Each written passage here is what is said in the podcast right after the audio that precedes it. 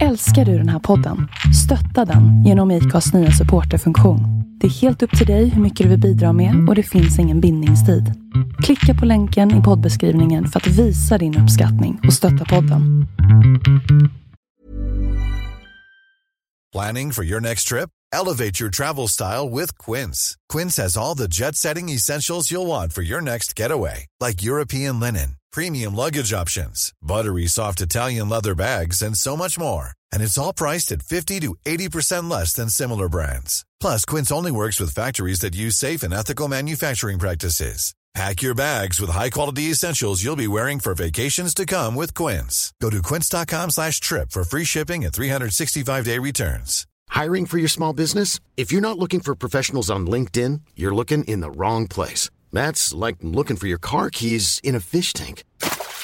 LinkedIn helps you hire professionals you can't find anywhere else, even those who aren't actively searching for a new job but might be open to the perfect role. In a given month, over 70% of LinkedIn users don't even visit other leading job sites. So start looking in the right place. With LinkedIn, you can hire professionals like a professional. Post your free job on linkedin.com slash people today.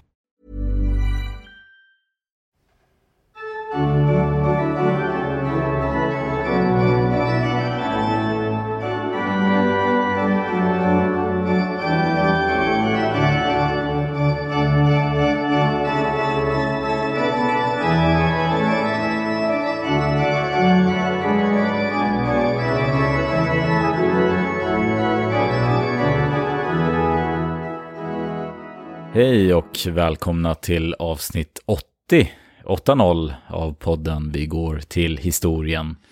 Och du är med där borta. Just det, Ulf Gensjö. Och eh, vi ska nu, Fredrik, fortsätta med att följa de synnerligen intressanta kusinerna. Den abdikerade svenska drottningen Kristina och hennes efterträdare Karl X Gustav. I förra avsnittet såg vi hur Kristina konverterade till katolicismen vid tre tillfällen i tre etapper. Först i hemlighet i Bryssel julen 1654, sen offentligt hösten därpå i Innsbruck och slutligen i Rom julen därpå 1655. En otrolig propagandatriumf för påven, det enda barnet till den kung Gustav II Adolf som kämpat och offrat sitt liv i kampen mot katolicismen blir själv katolik. Men ett lydigt verktyg, redskap för påven och katolska kyrkan är Kristina alldeles för stark och självständig för att bli. Det var ingen eh, katolsk eh, kejsare där nere på kontinenten som också blev glad? Absolut.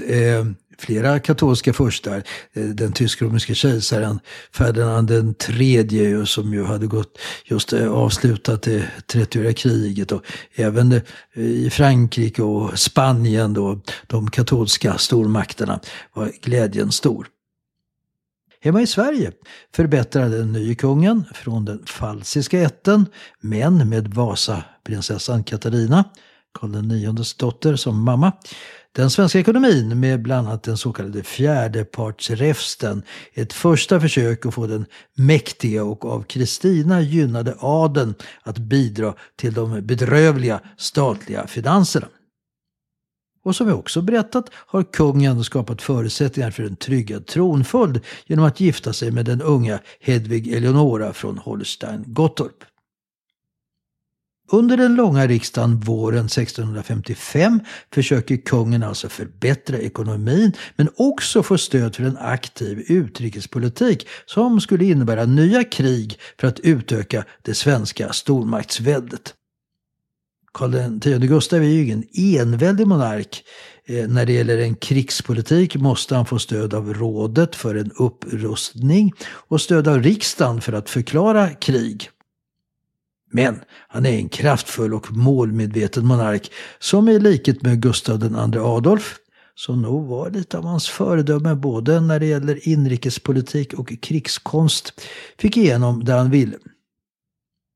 Med moderna termer kanske man skulle kunna säga att han i förhandlingarna såg till att ha problemformuleringsprivilegiet och tolkningsföreträdet.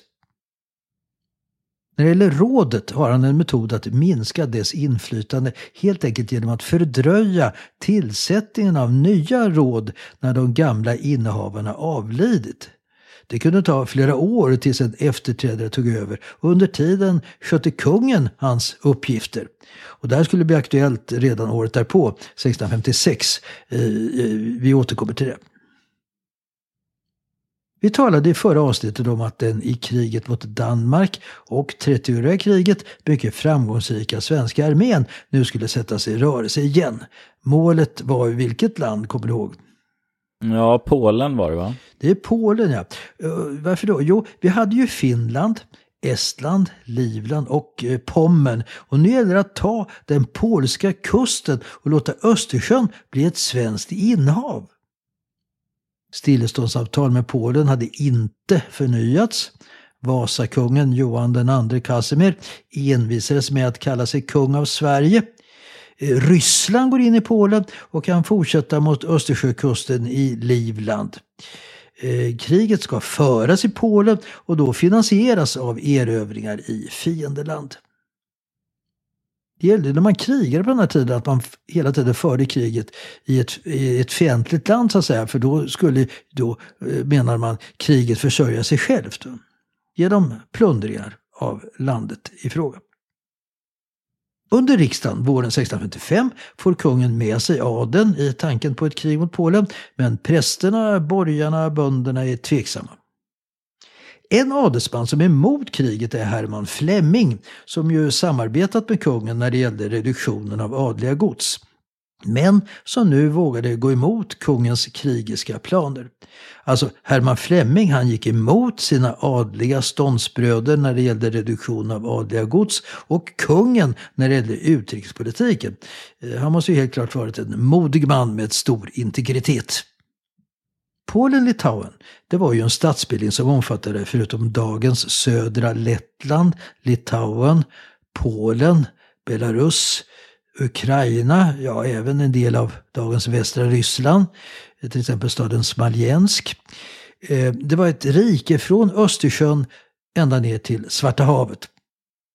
Dagens västra Polen hörde dock till det tysk-romerska riket. Alltså efter andra världskriget flyttades ju Polen så att säga västerut.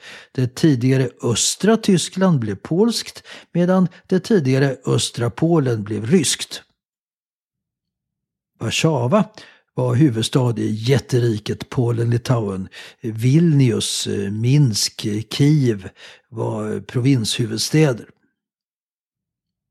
Carl Gustaf räknade med att det försvagade riket skulle erövras av Ryssland och att det därför var ett tillfälle att få en del av ett rike på väg mot sitt sammanbrott. Det saknades en stark kunglig centralmakt. Adliga ätter kunde förmås gå över till den svenska kungen. Medan Deltagande i ett krig som 30-åriga kriget kunde motiveras av att man skulle stoppa katolsk offensiv är det svårare att moraliskt motivera ett angrepp mot Polen. 1800-talshistorikern Anders Fryxell, som vi har citerat tidigare, han är mycket kritisk. Han skriver Låt dem oss rörande angreppet mot Polen erkänna följande sanningar. Förnämsta drivfjädern var begäret att få plundra en nödställd grannstat. Förnämsta bundsförvanter vore en rad fosterlandsförrädare. Förnämsta framgångarna 1655 vunnos mindre genom svenska vapen än genom polska förräderier. Efter dylikt utsäde skördas ingen välsignelse. En hämmande rättfärdighet bestraffar förr eller senare varje förbrytelse, icke blott den enskildes utan och staternas.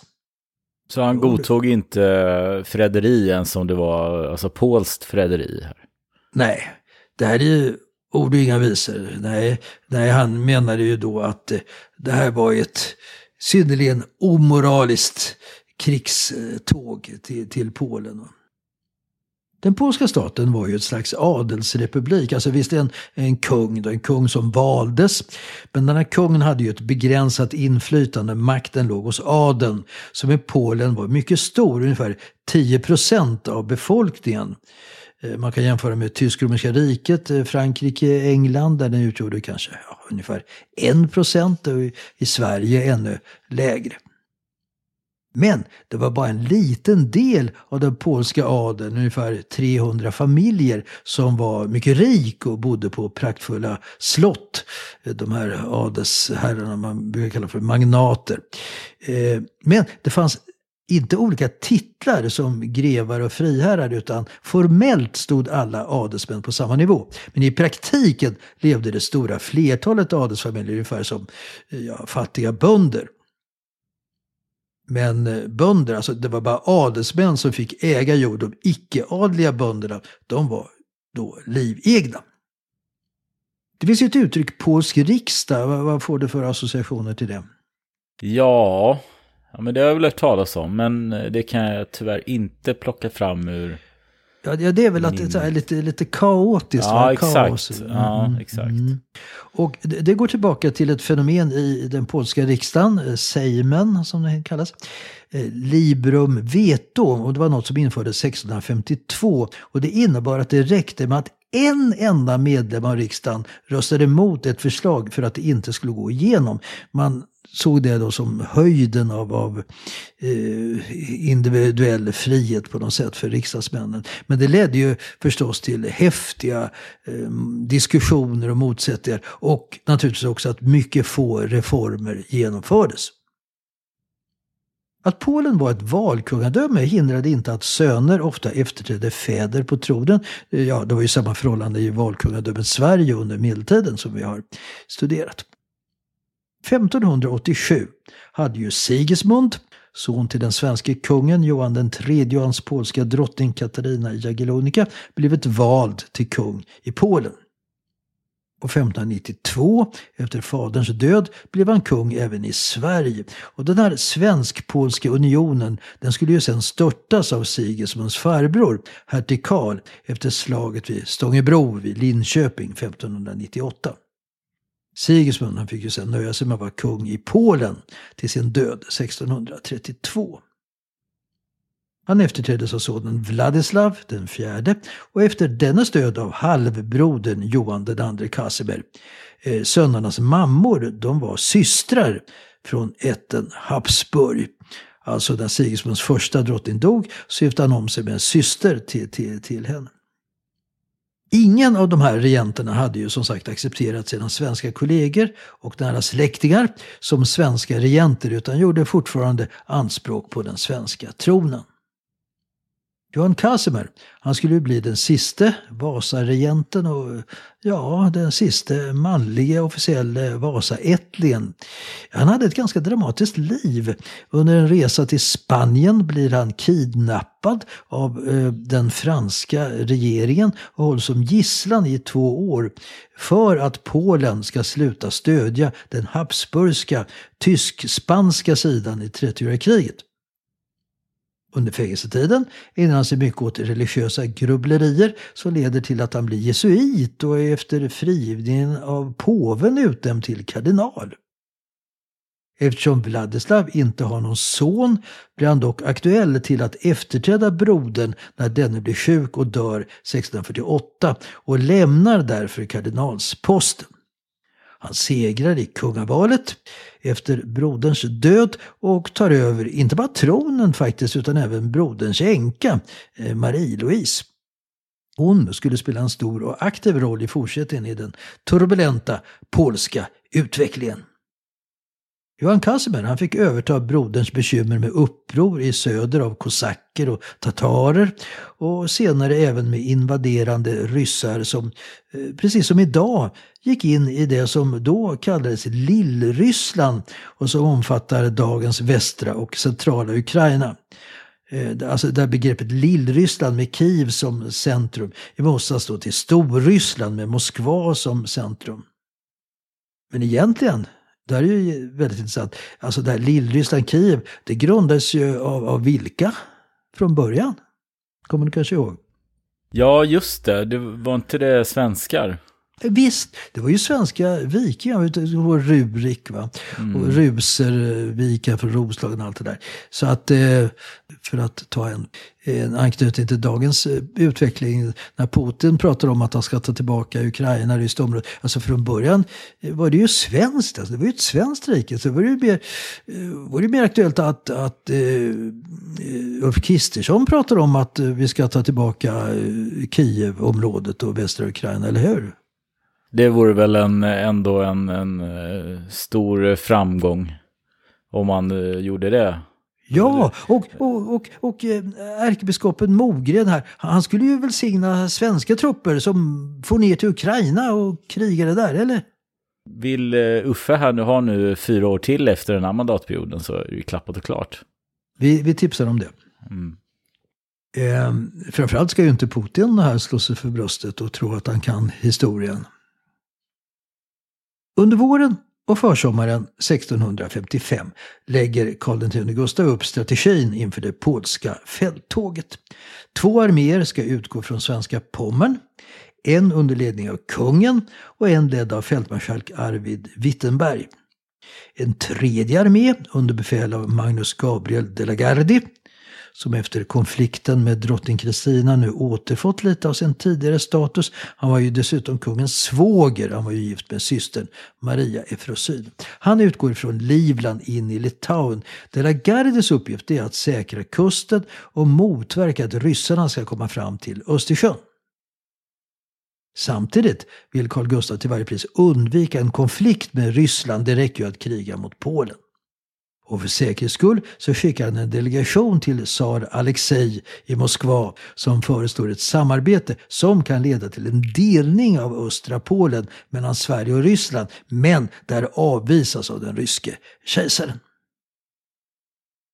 I samma syfte, att begränsa tänkbara fiender, tar han kontakt både med kurfurst Fredrik Wilhelm, Kristinas kusin, i Berlin, i Brandenburg, och även den tysk-romerske kejsaren Ferdinand III. Han försäkrar kejsaren att hans fälttåg inte skulle påverka det tysk-romerska riket på något eh, negativt sätt. I juli bryter Wittenberg in i Polen efter att få tillstånd gått igenom eh, kurfurst Fredrik Wilhelms brandenburgska område. Han möter ringa motstånd. Han passerar floden Oder vid dagens tysk-polska gräns och intar eh, den stora staden Poznan. Ledande polska adelsmän går över till svenskarna. Många hyllar Carl Gustaf som kung istället för Johan Casimir. Och några veckor senare så anländer kung Carl Gustaf till svenska Pommern och går in i Polen. Johan den andra Kasimir han är nu hårt pressad av ryssar från öster som närmar sig Warszawa och svenskar från väster. Smått desperat tar han kontakt med kejsar Ferdinand och erbjuder honom den polska kungakronan om han skickar trupper för att rädda Polen. Och själv flyr han nu huvudstaden till Krakow.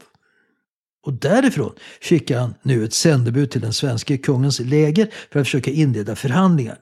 Och Karl X Gustavs ambitioner växer nu. Hans ursprungliga tankar att erövra den polska kusten erkänns nu av att knäcka Polen definitivt. Och i augusti intar han Warszawa som ger upp utan strid. Hur tänker han nu? Ska han utropa sig till kung i Polen och återupprätta Sigismunds svensk-polska union? Eh, ska han bli kung över ett jätterike som sträcker sig från Ishavet till Svarta havet? I det här läget varnar Kristina i brev på ett ganska upprörande sätt i all hemlighet den tysk-romerske kejsaren Ferdinand för svenskarnas offensiv i Polen. Hon skriver att de kanske kommer att fortsätta mot Wien och till sist mot Rom. Hon uppmanar kejsaren att vara på sin vakt och ha kontakt med Danmark och Holland för att stoppa svenskarnas planer. Vad är det här för jävla högförräderi? Ja, ver verkligen. Hon antyder också att hon kan tänka sig att återvända till den svenska tronen i händelse av att kusin Carl Gustaf skulle avlida och sen låta en Habsburgare bli tronföljare. Allt för att ställa sig in hos kejsaren. Ja, det här är ju oerhört upprörande, eh, som du säger. Det är fejkat eller? Nej, det, det är sant. Alltså, de här breven det finns. Va? Och det där verkar ju verkligen som högförräderi. Varför gör han så tror du? Nej, jag har ingen aning. Är, är, det, är det en plan? Alltså, är det så att de på något sätt ändå vill komma tillbaka till den svenska tron? Alltså, det här är ju intressant, vi ska återkomma till Kristina, men det här, inte minst du har ju hävdat det här att det här med religionen, det, det var ju inte det viktigaste. Utan Kristina är ju på något, först och främst en slags maktmänniska, eller hur? Hon, hon älskar makt, hon vill ha makt och inflytande. Mm. Ja, vi ska se hur det går. Tillbaka till situationen i Polen. Helt klart har Johan Casimir förlorat allt förtroende hos allt fler polacker och hans situation blir inte bättre av att han i september flyr landet in i Habsburgarnas tysk-romerska rike. Och svenskarna går vidare söderut och i oktober faller även den gamla huvudstaden Krakow. Fältmarskalk Arvid Wittenberg blir guvernör över södra Polen och det som återstår för svenskarna att erövra är nu egentligen bara de ursprungligen tänkta områdena längs Östersjön med den främsta hamnstaden Danzig, dagens Gdansk. De fortfarande obesegrade polackerna i norr tar nu kontakt med den tidigare svenskvänlige kurfurst Fredrik Wilhelm i Brandenburg som då byter sida och skickar trupper till polackernas försvar. Men de blir besegrade av svenskarna och i början av januari sluter kurfursten ett fördrag med svenskarna i Königsberg, alltså dagens Kaliningrad. Skicklig chefsförhandlare är här rikskansler Erik Oxenstierna som eh, blir för Karl X Gustav något av vad fadern Axel varit för Gustav II Adolf.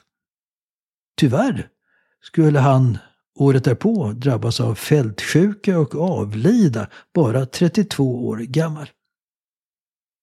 Senare samma år avlider också riksamiralen Gabriel Bengtsson Oxenstierna och Carl Gustav han har inte bråttom att ersätta dem som vi talade om förut utan han tar tills vidare över deras uppgifter och befogenheter. Ja, eh, jag pratar om kurfursten Fredrik Wilhelm. Jag kanske ska förklara det här begreppet kurfurste. Det tysk-romerska riket det var ju en statsbildning med cirka 400 olika stater av olika storlek. Kungariken, hertigdömen, grevskap och så vidare. Och de var ju ledda av furstar med olika titlar. Och kurfurste det var den förnämsta titeln. Alltså de som stod närmast under kejsaren. De var sju stycken och var de som valde en ny kejsare. Alltså riket var en valmonarki. Och kur betyder här val. Eh, det har vi ju det uttrycket eh, kora, va? Du vet, man korar en segrare kan man ju säga, eller hur? Mm.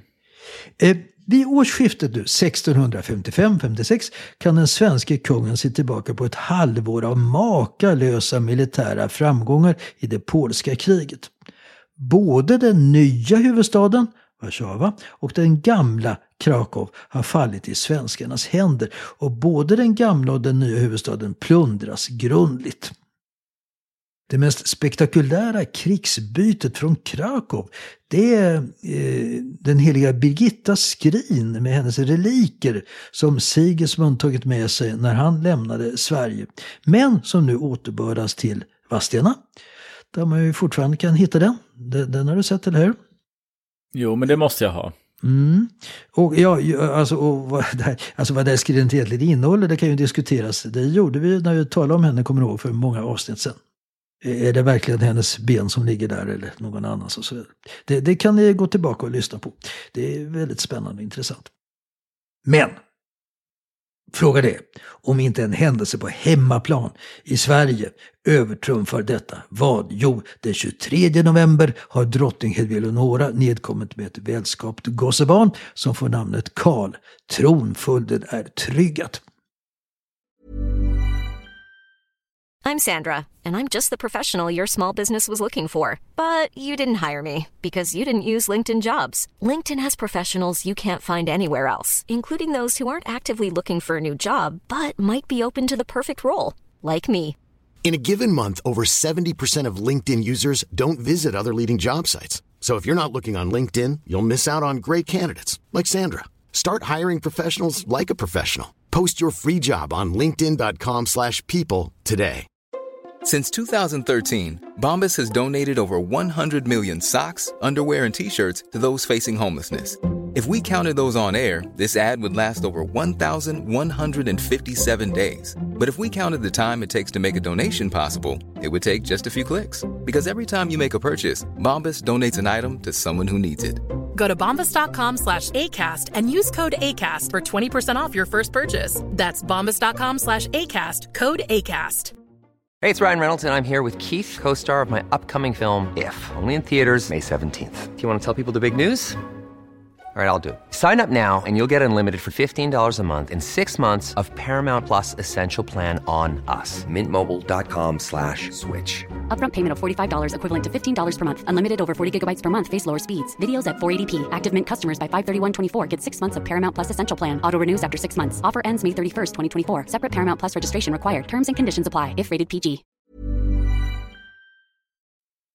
Den stolte fadern, som inte kunnat närvara vid förlossningen på grund av kriget, skriver nu brev hem till hustrun med noggranna föreskrifter om hur den lille sonen ska skötas.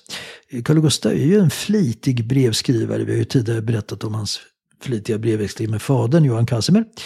Eh, till hustrun och även till brodern Adolf Johan skriver kungen på tyska.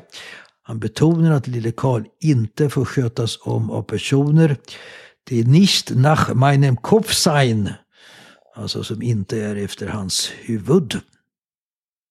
Någon pappaledighet är inte aktuell, utan barnafadern vill att Hedvig Eleonora ska åka ner till honom i Polen medan den lille kronprinsen då ska lämnas kvar i Stockholm. Han drar paralleller till hur Maria Eleonora får ner till Gustav Adolf medan Kristina då lämnades kvar i Sverige.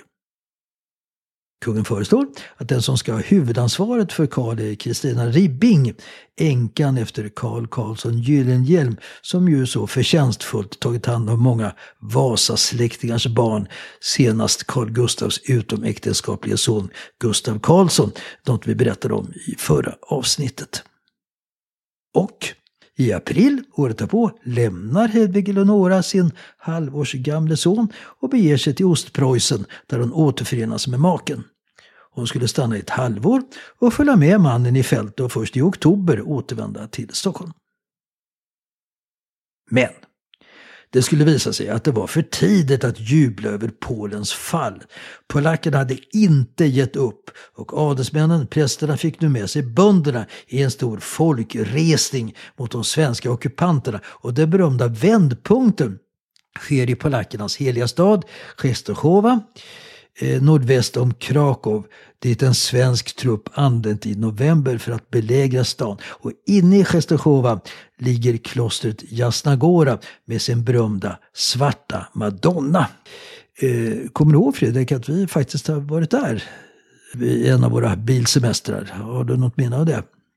Uh, När vi, vi, vi bodde i Warszawa då, så åkte vi ner till Krakow. Vi var ju i Auschwitz, kommer du ihåg, eller hur? Ja, det kommer jag ihåg. Just det. Och då stannade vi till här vid Częstochowa och gick in i en kyrka där vi såg den här svarta madonna. Alltså det är alltså en bild av jungfru Maria. Så, som, som, hon är alltså ett svart, svart ansikte. Va? Mm. Ja, Auschwitz gav eh, mer minnen så att säga. Jo, det är, klart, det är klart. Men ja. eh, jo, men nu när du säger det så, ja, jo. Mm. Mm. Det var ju lite texter, bilder och skyltar så här, om, om, om den svenskarnas belägring här. Ehm, och stadens och klostrets försvar leds av den legendariske munken Augustin Kordecki. Och man lyckas hålla stånd under vintern mot svenskarna. Och för de fromma katolska polackerna är det jungfru Maria i Svarta Madonnans version som räddar klostret. Svenskarnas angrepp på landets heligaste plats vållar en våldsam förbittring bland polackerna. Och invånarnas heroiska motstånd blir signalen till att polackerna nu slår tillbaka. Gud har visat att han står på deras sida. Kung Johan Casimir återvänder från sin landsflykt och uppmanar nu alla polacker att ta till vapen mot de svenska inkräktarna. Ockupanterna Częstochowa, eh, de körs iväg och den polska motoffensiven blir under vintern och våren framgångsrik. Svenskarna börjar tappa greppet över situationen. Carl Gustaf ställs nu inför ett val. Ska han överge sin position i norra Polen och bege sig söderut för att försöka slå ned upproret där? Eller ska han stanna i norra Polen och ge upp södra delen av landet? Ja, hur skulle du ha tänkt här om du har varit Carl Gustaf? Ja, det beror lite på. Har han dem på fall så är det väl lika bra att fortsätta så att säga söderut och, och knäcka den här motoffensiven. Ja. Samtidigt så, mm, för de kan ju bara bli starkare och starkare menar jag, även om mm. man är mm. norr, på norra sidan. Mm. Men, eh, ja, samtidigt, ja, jag hade, jag hade nog gått på alltså. Ja, alltså kungens generaler de gör bedömningen att man inte har resurser att erövra och hålla hela Polen och rekommenderar det senare alternativet. Men kungen han är av en annan åsikt, lite grann som du diskuterar, tänker också. Eh, så han, han, han lämnar bland annat sin bror Adolf Johan att stanna kvar i norr samtidigt som han själv beger sig söderut med sina trupper. Den här brodern Adolf Johan som vi senare ska berätta mer om, han har fått ett mycket negativt eftermäle i historien. Han hade tre stiliga titlar. Som kungens bror så var han prins av Sverige samtidigt som han var hertig av Stegeborg där han var född och bodde. Och eh, han var också greve av Pfalz-Zweibrücken efter sin far. I mars utkämpas flera drabbningar, i allmänhet med polska segrar. Carl Gustaf har uppenbarligen underskattat sina motståndare, tagit ut segern för tidigt. Likt Gustav II Adolf eh, så strider han i främsta ledet och tar stora personliga risker. Eh, när han uppmanas att vara mer försiktig så svarar han att försynen styr hans liv. Svenskarna i norr lyckas inte inta den viktigaste staden Danzig och samtidigt inledde nu polackerna i maj en belägring av sin huvudstad, Warszawa. Och efter några veckor av, eh, av intensiv beskjutning så stormar stan som faller. Wittenberg kapitulerar och tas till fånga och dör året därpå i polsk fångenskap. Men om möjligt ännu allvarligare är att Rysslands tsar Alexej beslutat sig för att svenskarna ska köras ut ur Polen och i samma månad, maj, förklarar Ryssland krig mot Sverige. Eh, tsar Alexej hade efterträtt sin far Mikael Romanov det kommer ihåg, vi talade mycket i tidigare avsnitt. Då han, han, han gick ju segrande ur striderna under den stora oredan med falska Dimitrier och den svenska tsarkandidaten Carl Philip. Det kommer du ihåg? Ja, absolut. Alltså Mikael han var ju den första Romanov-tsaren. Ätten skulle ju sitta på den ryska kejsartronen ända tills ryska revolutionen 1917. Han var bara 16 år när han kröntes till tsar och satt sen på tronen till sin död 1645 vid 49 års ålder. Eh, han fick med sin andra hustru tio barn. Men av de tre sönerna växte bara en upp till vuxen ålder, Alexej, som också han var 16 år, precis som fadern, när han blev tsar. Ryska trupper går nu in i Livland och belägrar Riga och under hösten kommer Ryssland och Polen att sluta vapenstillestånd och kan förena sina styrkor mot Sverige. Carl Gustavs första plan det är nu att försöka återerövra Warszawa. Han inser att svenskarna måste få förstärkning och han tar därför på nytt kontakt med kurfurst Fredrik Wilhelm av Brandenburg. De träffas och kommer bra överens. Eh, Carl Gustaf berättar i brev till sin drottning att de båda blivit redlöst berusade. Men Fredrik Wilhelm ställer hårda krav för sin medverkan eh, i Carl Gustavs eh, kommande offensiv mot Warszawa. Så ska erövrade områden i Polen, de ska i stor utsträckning gå till kurfursten. I juli börjar tredagarsslaget om Warszawa. Både Carl Gustav och Johan Casimir ser detta som ett avgörande slag i kriget. Den polske kungen har förutom polska och litauiska trupper även muslimska tatarer från Krim till sitt förfogande. Carl Gustaf är överbefälhavare med brodern Adolf Johan som ställföreträdare och Georg Wilhelm han har Carl Gustav Wrangel som andre man. Numerärt är de polsk-litauiska trupperna ungefär dubbelt så många, cirka 40 000 man mot cirka 20 000. Man har ju fortfarande inte uniformer och för att känna igen sina egna har svenskarna och tyskarna halmkransar i hjälmarna och igenkänningsropet Hjälp Jesus mellan varann. Slaget inleds den 18 juli med att drottning Kristinas gamle favorit Klas Tott går till attack. De båda första dagarna spelas huvudrollen av de båda striderna, parternas eh, kavallerier. Vid ett tillfälle under andra dagens strider är den svenske kungen riktigt illa ute. En händelse som påminner om när Gustav II Adolf var i hetluften. Med bara en följeslagare, en ryttmästare Travenfält, blir Carl Gustav omringad av sju tatarer. Kungen lyckas med sina pistoler skjuta ned två tatarer och rikta ett hugg mot den tredje så att han faller av sin häst. Travenfält lyckas också skjuta ned två tatarer varvid de två återstående tar till flykt. Men farorna för kungen är inte över. Senare samma dag fick en polsk husar, Kowaliski, in en träff med spetsen av sin lans i Carl Gustavs bröst. Men kungens harnesk, alltså dåtidens skyddsväst, så det räddar honom och en svensk soldat skjuter snabbt ihjäl polacken. Efter två dagars strider så leder svenskarna och tyskarna på poäng. Johan Casimir börjar tvivla på en slutseger. Och under den tredje dagens strider den 20 juli så tar Carl Gustavs trupper över initiativet och redan mitt på dagen drivs fienden på flykten. Tre dagars slaget om Warszawa är över med Carl Gustav och Georg Wilhelm som segrare. I tyska historieböcker ses detta slag som Georg Wilhelms triumf. Han börjar kallas den store kurfursten. Och eh, slaget ses som en början till den preussiska militärtraditionen. Alltså kurfurstens son, han skulle bli kung över det Brandenburg som då bytte namn till Preussen. Och hans son i sin tur, det är den berömde Fredrik den andre, Fredrik den store, du vet. Men, ja, Alltså tyskarna övas över detta, men tveklöst var ju Karl X Gustav överbefälhavaren över samtliga styrkor och helt klart framträdde han här som en stor krigare, järv, beslutsam, kreativ och kylig. Med beslaget är drottningen, Hedvig Eleonora, som imponerar på alla med sitt mod och förmåga att höja stridsmoralen hos mannarna. Segern löser inte alla problem. Fienden kommer att fortsätta försöka köra ut inkräkten och ha större numerära resurser.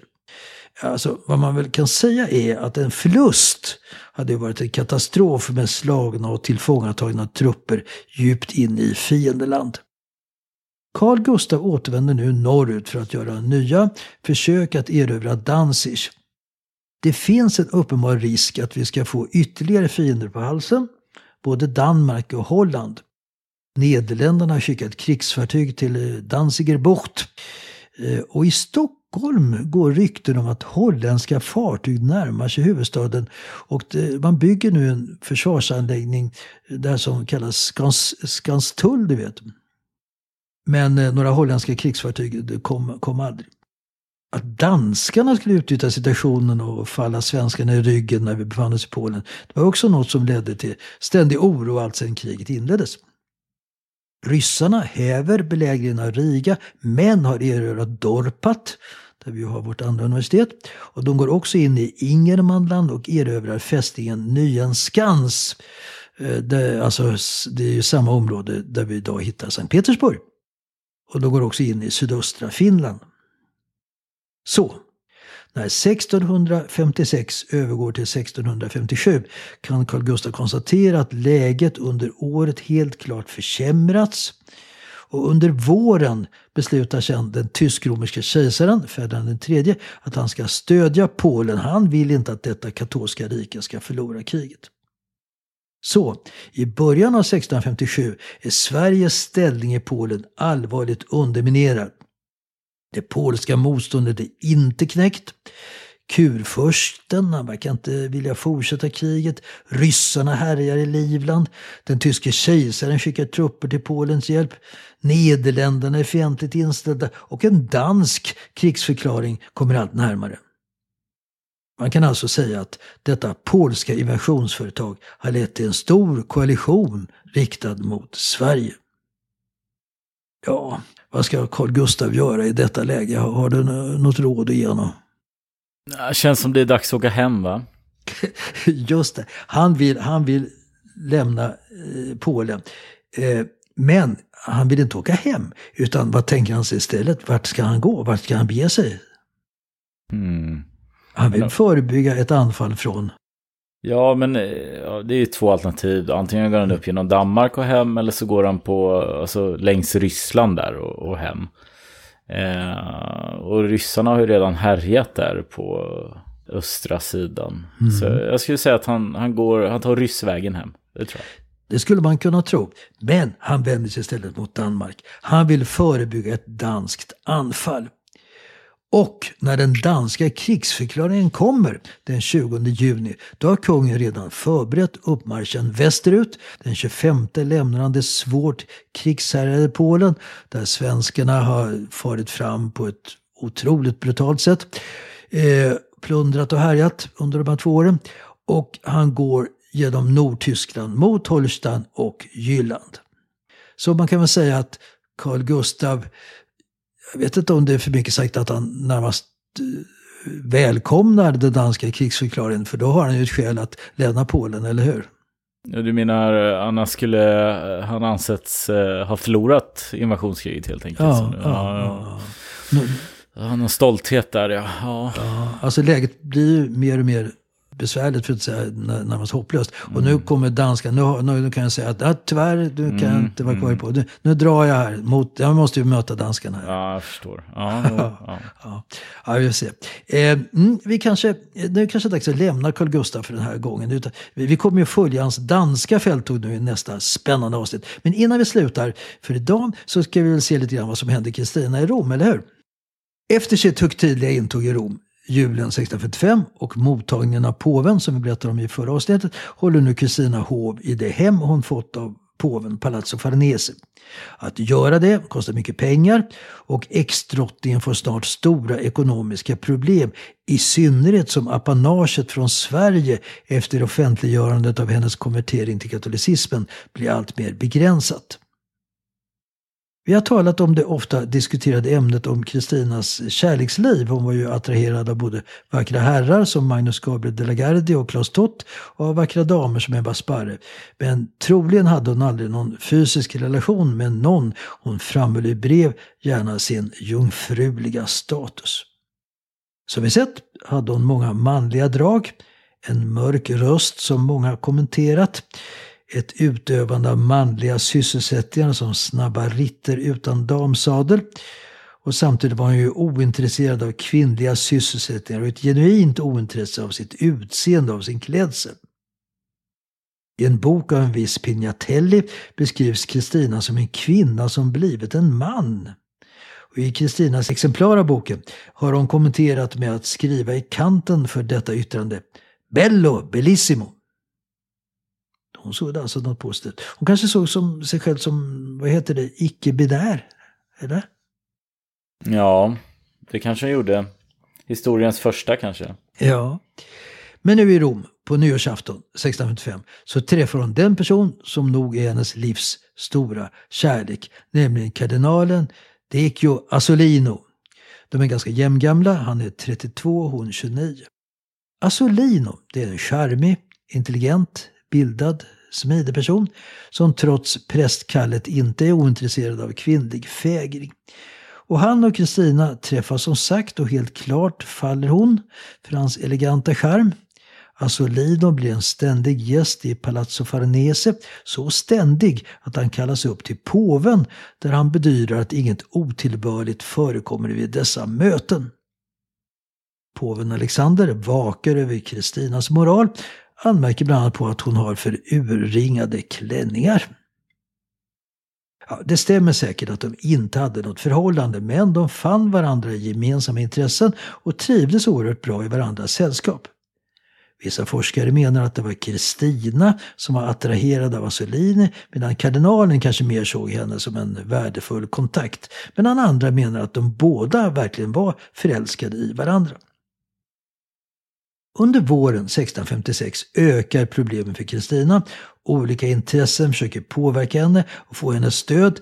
Eh, mycket bottnar i konflikten mellan Spanien och Frankrike. Denna konflikt hade fortsatt efter Västfaliska freden.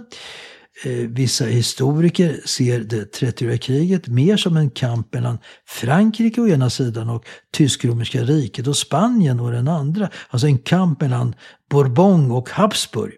Habsburgarna styrde ju både i Wien och i Madrid. En mellan katoliker och protestanter i Tyskland. Och medan det blev fred i det härjade Tyskland 1648 så fortsatte alltså kriget mellan de båda katolska stormakterna Frankrike och Spanien. Kristina hade ju här, som vi berättat om, försökt medla i denna konflikt. De befann sig i spanska Nederländerna, men med liten framgång. Denna konflikt påverkade i hög grad stämningen i Vatikanen med kardinaler som, som sympatiserade med respektive sida. Eh, konflikten fanns i den omedelbara geografiska närheten då Spanien innehade södra Italien med Neapel som centrum.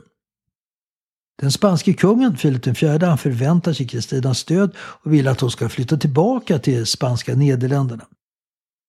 Till sist upphör apanaget från Sverige helt och hon behöver därför ekonomiskt stöd från påven eller Spanien. Men som den självständiga kvinna hon är så vill hon inte komma i beroendeställning till någon. Hon känner ett eh, behov nu av miljöombyte precis som kusin Carl Gustav gjorde i Polen. I Neapel har en pest brutit ut och man är rädd i Rom att den ska sprida sig dit. Kristina anger nu två argument för att hon vill lämna Rom. Dels rädslan för pesten och dels för att klara upp sin ekonomi. Eftersom kontakterna med Spanien försämrats vill hon besöka Frankrike och inleder en brevväxling med Frankrikes ledande, ledande eh, man, kardinalen Massanin. Hon lovar påven att hon ska vara tillbaka inom ett halvår.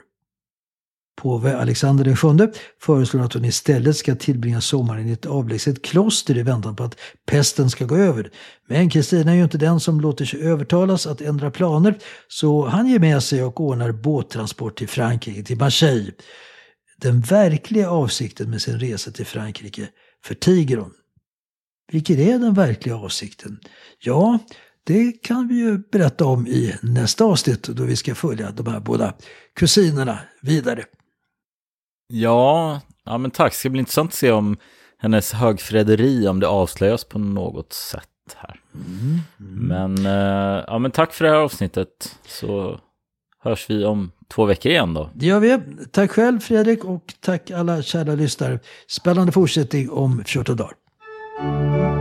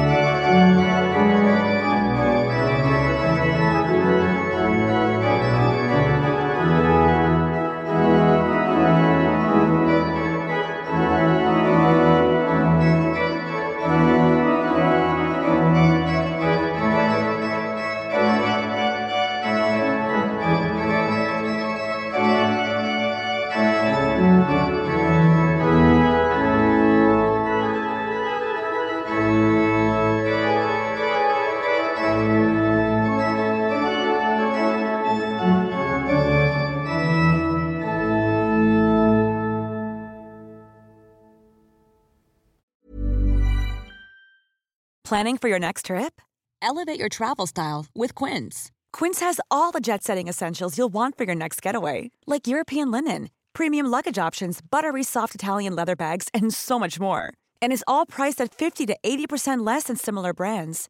Plus, Quince only works with factories that use safe and ethical manufacturing practices. Pack your bags with high-quality essentials you'll be wearing for vacations to come with Quince. Go to quince.com/pack for free shipping and 365-day returns.